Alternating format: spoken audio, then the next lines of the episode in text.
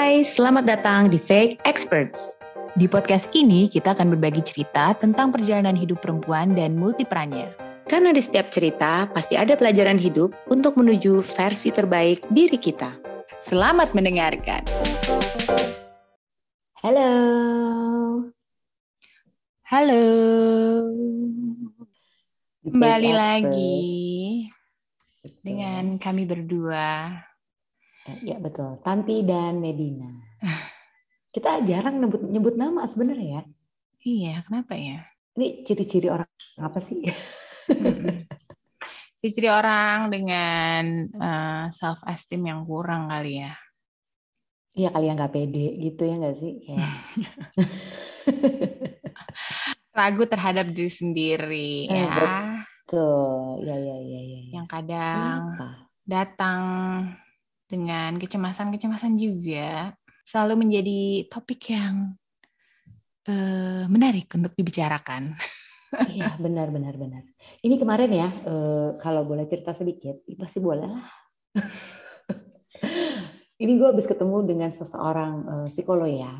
Hmm. gue bertanya gitu, kalau ada orang-orang yang datang ke lo nih gitu, kebanyakan tuh eh, masalahnya ngapain sih? Apa sih permasalahannya gitu? Hmm. Ya mostly itu pasti berkaitan dengan anxiety. Iya. Gitu. Kayak, oh, emang anxiety ini agak susah disembuhkan ya, gitu. Karena kadang eh, datangnya nggak diundang gitu. Iya, betul sekali. Beberapa orang yang sudah agak berumur juga ya, gue ya saudara, terus temen gitu ya, denger-denger cerita gitu. Em, makin banyak sih yang tidak menghadapi kecemasan tinggi karena di-trigger dengan masa-masa pandemi ini juga gitu. Karena eh, ya itu kan ya mungkin karena awal-awal yang orang-orang tua tuh sangat dikhawatirkan lah kalau misalnya sampai eh, terinfeksi dengan COVID gitu kan, nantinya ada komorbid dan segala macam. Nah itu mungkin juga berpengaruh ya, jadi makin banyak em, ya orang-orang tua ini yang semakin anxious juga gitu. Iya benar-benar. Akhirnya itu menghambat kita untuk eh, melihat segala sesuatu itu dengan jelas gitu ya, atau lebih objektif Hmm. gitu kali ya. Iya. Tadi iya, lo iya. bilang eh, misalnya apa namanya projecting eh, insecurity diri kita sendiri gitu ya kan kayak Iya. kalau gue nanti sakit gue karena gue punya komorbid misalnya terus nanti gue kena nanti gue ini akhirnya ya kadang ujung-ujungnya kayak nyinyir juga ya itu tuh salah satu termasuk kali ya sebenarnya cemas ya gitu kayak iya nggak sih kayak misalnya terkait dengan si covid tadi nih gitu Hmm. misalnya orang udah tua punya komorbid gitu nggak jangan kalau bisa jangan sampai kena lah gitu ya kan Hmm. Eh, kamu nih anak muda pergi-pergi terus, jalan-jalan terus misalnya. Sementara Iya. ya kebutuhan anak muda ya gitu kan. Iya, iya, iya, iya. Tapi apa ya tanda-tandanya ketika mulai lagi nih ada apa? Kalau bahasa orang uh, awam gitu ya atau orang dulu kalau kita punya penyakit tuh kambuh gitu.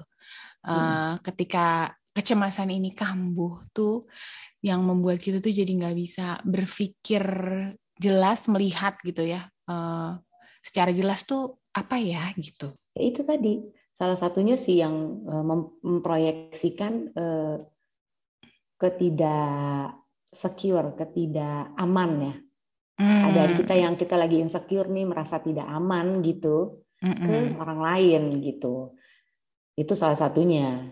Terus kayak Hmm. misalnya ini juga banyak terjadi sih. em, kita terlalu berpegang teguh kepada eh, perencanaan-perencanaan kita gitu. Padahal dalam Hmm. kehidupan tuh kadang terkadang oh ya nggak semua tuh sesuai dengan apa yang kita mau atau apa yang kita rencanakan gitu ya kan. Hmm. Sering kali kan gitu kita misalnya berdebat dengan eh, orang atau misalnya kita berdebat dengan hmm, pasangan kita sendiri misalnya gitu. Iya. Atau anak, kadang juga banyak kasus-kasus misalkan sama anaknya gitu. Bahwa orang tuanya pengen anaknya jadi dokter. Terus anaknya nggak mau, ya kan? Mm-mm. Akhirnya that's my my plan gitu buat orang tuanya ini anak gue harus ada yang jadi dokter misalnya. Iya. Yeah. Ya kan? Itu karena kita terlalu berpegang teguh bahwa perencanaan gue itu adalah anak gue satu harus jadi dokter. Jadi kita nggak nggak objektif gitu loh bahwa ya misalnya tadi gue pengen anak gue jadi ini, gue pengen anak gue harus kursus A B C D supaya dia expert dan lain sebagainya.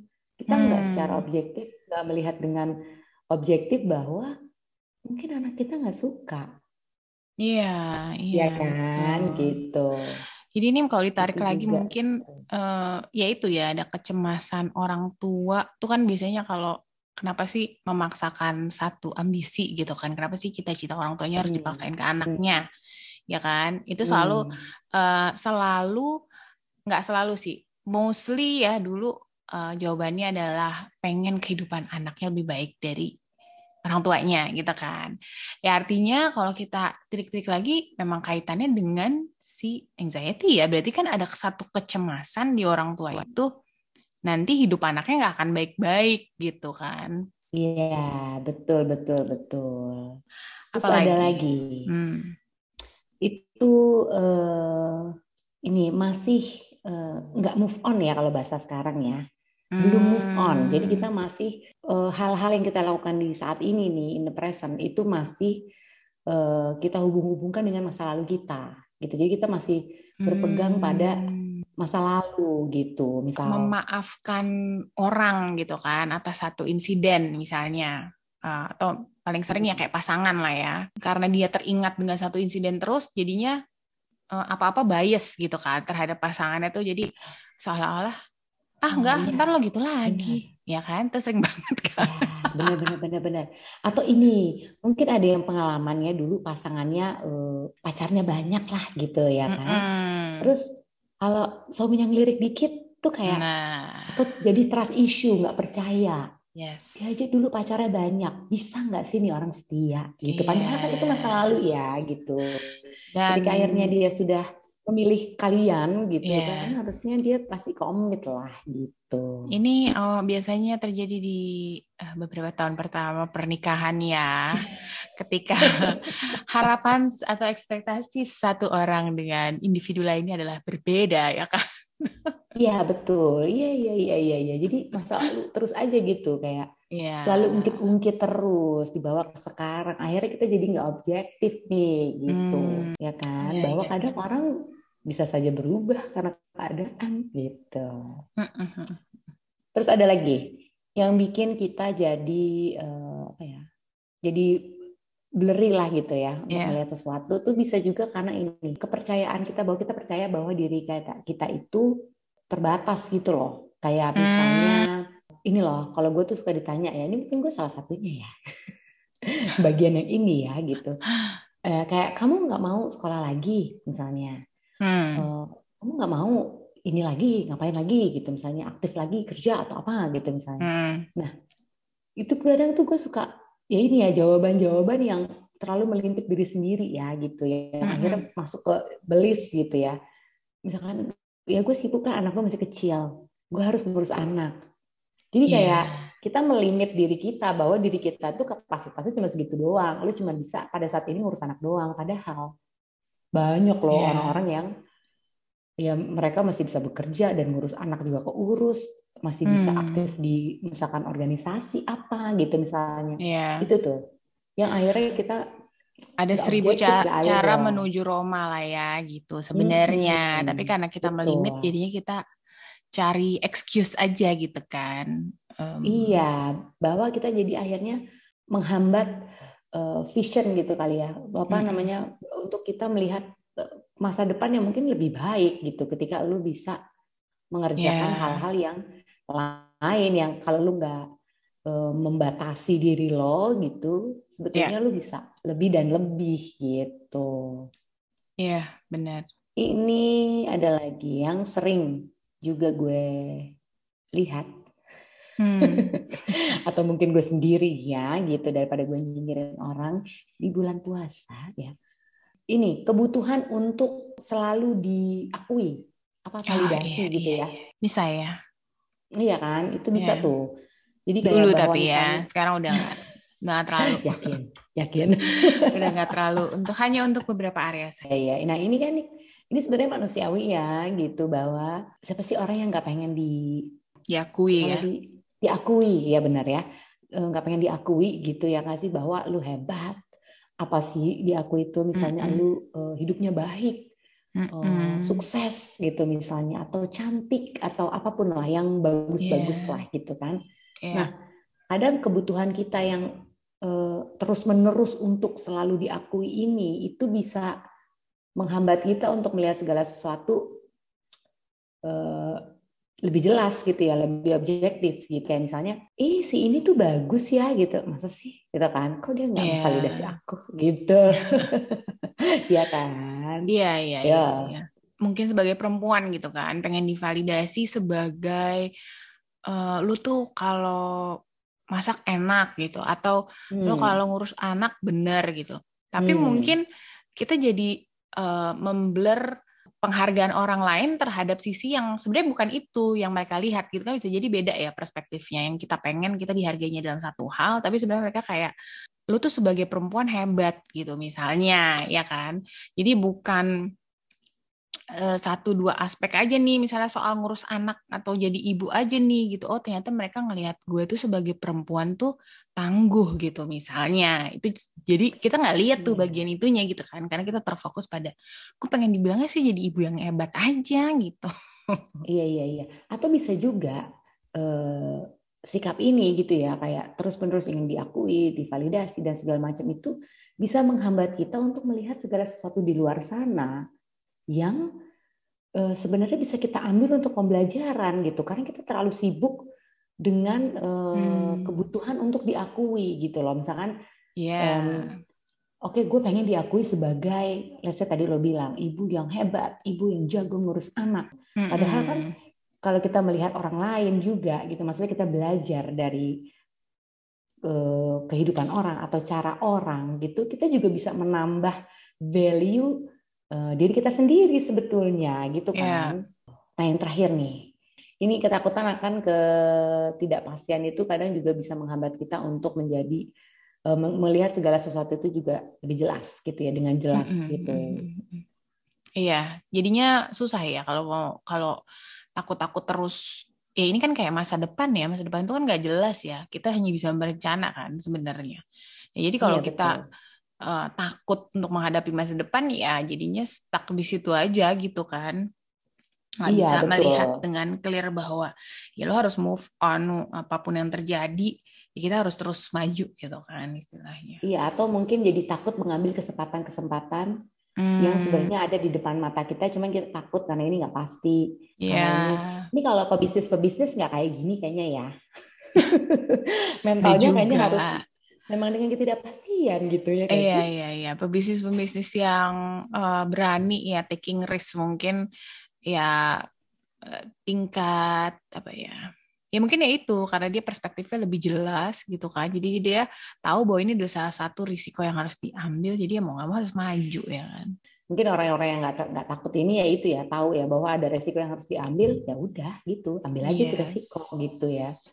Betul Iya, iya, iya. Ya, tapi gimana tuh? Ada nggak sih caranya untuk kita supaya lebih, ya kita kan pengennya kan ya. orang yang nggak kayak gini sih yang tadi gue sebutin itu ya, gitu kan?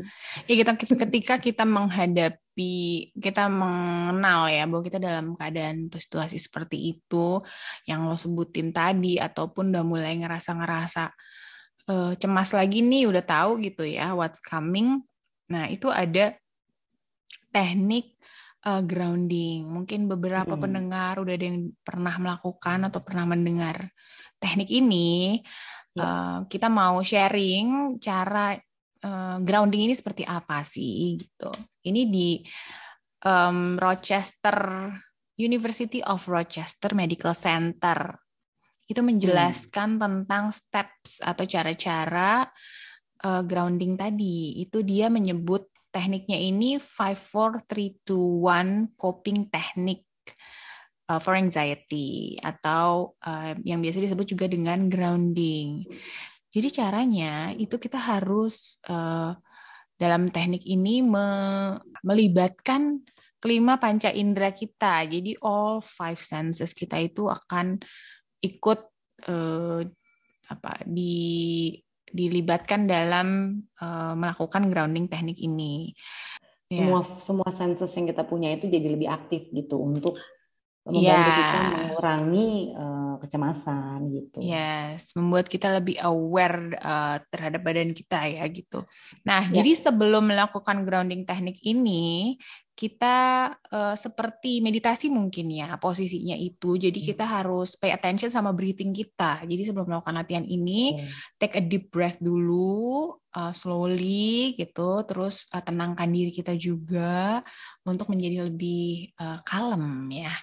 Jadi nah, uh, mungkin po ya. ya, jadi mungkin posisinya juga bisa seperti posisi meditasi, bisa berdiri gitu, apa pun yang membuat kita uh, rasanya lebih nyaman. Nah, apa sih 5 4 3 2 1 ini?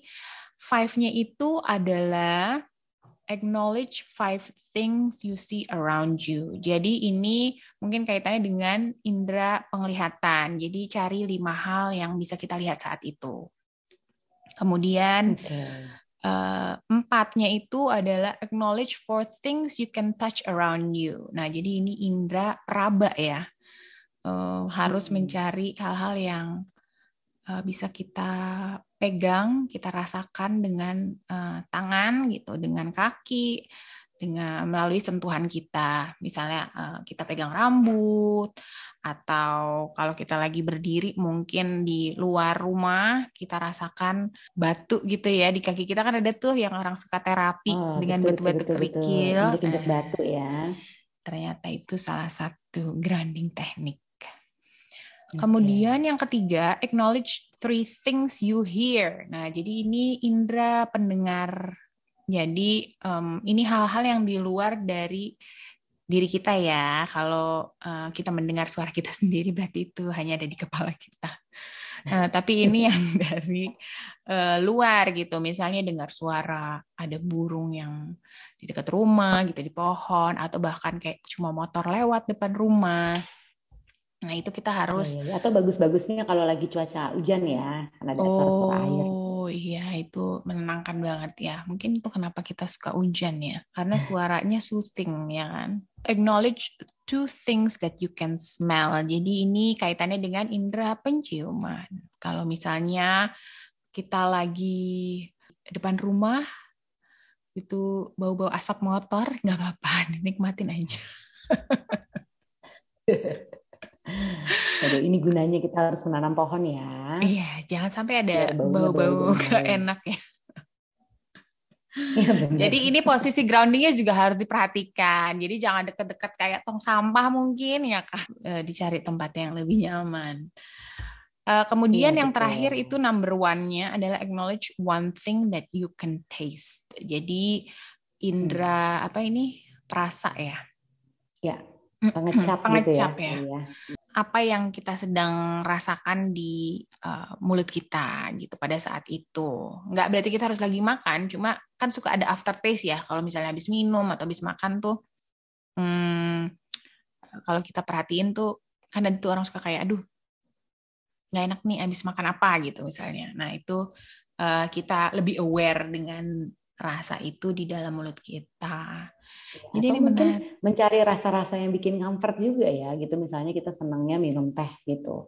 Hmm. Ya teh aja minum gitu ya nggak sih?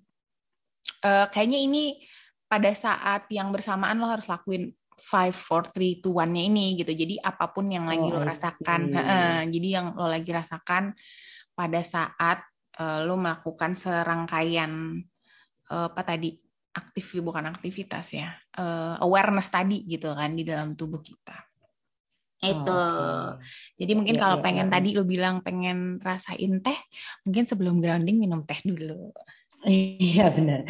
Ini mungkin orang-orang yang suka planning ya gitu kayak disiapin dulu nih lilinnya, ah. minyak wanginya, yes terus apalagi hal-hal yang bisa lo pegang misalnya yeah. Iya. karpet yang karpet karpetan gitu jadi yeah. intinya di atas karpet itu sekalian juga yes. bisa uh, apa namanya merangsang ya kan. ya menstimulasi uh, indera kita jadi make sense banget ya bahwa ternyata tuh kan um, kalau lo suka perhatiin juga tuh yoga, meditasi, hal-hal yang berhubungan dengan mindfulness itu praktis gitu ya. Orang tuh hmm. suka nyiapin uh, aromaterapi ya. Terus uh, selain itu ada tuh yang kayak bel-bel atau gentong-gentong ya, gentong-gentong ya, yang bowl Tibet, itu ya. Uh, uh, singing bowl itu mm-hmm. atau bahkan ada yang bawa kristal. Itu kan berarti untuk iya, merasakan ya, ya, ya, ya. bahwa oh, ya, ini kayak bebatuan gitu kan. Ya. Atau mungkin yang fans punya fans-fans idol, nah bisa ditaruh fotonya tuh, ya kan? Hmm, Di situ. Ya boleh. Buat indera penglihatan biar seger gitu ya kasih. Dan menenangkan. Ya Aduh, pastinya ini ya, akan ya. lebih sering gue praktekkan ya, um, yes. sehingga anxiety juga bisa terkontrol. Yes betul. ini salah satu ini kali ya, salah satu teknik yang mungkin uh, bisa pendengar PK Expert coba ya kalau belum pernah nyoba bisa dicoba nih salah satu dari berbagai macam teknik untuk mm -hmm. uh, menenangkan diri ya dari segala kecemasan. Nah kalau misalnya uh, belum bisa juga cara ini gitu ya. Ujung-ujungnya terakhir ya itu ya harus um, bertemu dengan ahli ya. Mungkin bikin schedule sama ahli ya gitu. Mungkin yeah. dengan psikolog atau psikiater kayak gitu-gitu. Ya yeah, betul. Jadi um, mari kita mengenal lagi ya uh, kondisi mental kita ya, sehingga betul. kita bisa mengatasinya dengan lebih baik. Please subscribe our podcast Fake Experts and follow our Instagram at fake.experts. Fake experts. Fake experts.